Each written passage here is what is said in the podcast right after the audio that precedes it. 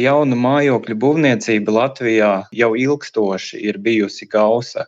Salīdzinājumam uzbūvēto mājokļu kopējā platība Latvijā pērn bija apmēram tāda pati kā 2010. gadā, bet Lietuvā un Igaunijā divas ar pusi reizes augstāka. Latvijas bankas eksperts Andrēs Semjonovs secina, ka arī šī gada pirmajā ceturksnī izdoto būvatļauju statistika.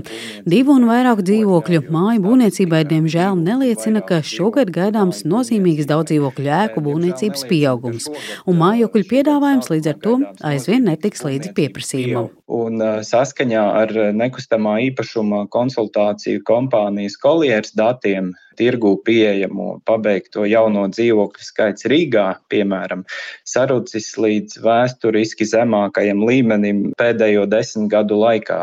Turpretī aktivitāte, pieprasījums dzīvokļu tirgū turpināja pieaugt, un dzīvokļi aizvien lielākā mērā tika iegādāti tiem vēl esot uh, tikai būvniecības stadijā. Pagājušā gadā, līdzīgi kā citvietā Eiropā, daudz dzīvokļu māju būvniecību kavēja gan straujais būvniecības izmaksu pieaugums, gan arī būvmateriāla piegādes problēmas, un Krievijas kara darbība Ukrainā šīs problēmas tikai sāsina. Visbūtiskāk šobrīd pasliktināta ir tieši metālu pieejamība, kur Krievija un Baltkrievija piegādāja nozīmīgu daļu no kopējiem šiem metāla izējumateriāliem. Bet skaidrs arī tas, ka strauji aug arī tās kopējās būvniecības izmaksas, tāpēc jauna mājokļa cenas turpinās pieaugt un šī pieejamība varētu pasliktināties.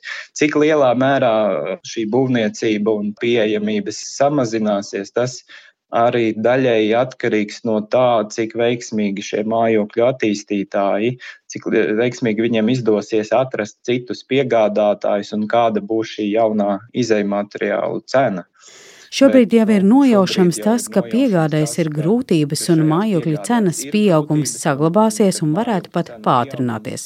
Latvijas bankas eksperts Andrēs Semjonovs uzsver, ka viens no apsvērumiem, kas ietekmē attīstītāju interesi investēt jaunu mājokļu būvniecībā Latvijā, ir pirktspējas jautājums. Jo šeit jāņem vērā, ka lielie attīstītāji, kas strādā Latvijas tirgu, viņi strādā arī Lietuvā, Igaunijā un arī Skandināvijas valstīs, kur iedzīvotāju pirktspēja ir augstāka, mājokļu cenas ir augstākas un raugoties tikai no šī aspekta, Protams, šim attīstītājam izdevīgāk ir lielāku investīciju daļu veikt tieši šajās valstīs, nevis Latvijā.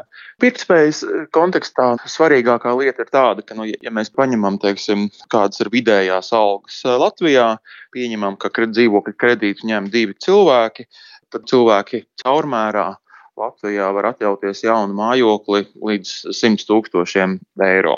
Nekustamā īpašuma attīstītāju alianses valdes priekšsēdētājs Mārtiņš Vanaks uzsver, ka tas ir tā saucamais ekonomiskais segments un tajā eksploatācijā tiek nodoti visvairāk dzīvokļu. Kontekstā svarīgs jautājums, protams, ir šis būvniecības cenu pieaugums. Ja šāds dzīvoklis maksās eh, nevis 100 tūkstošus, bet gan maksās, teiksim, 130 tūkstošus, tas, protams, to pircēju loku var samazināt samazināt.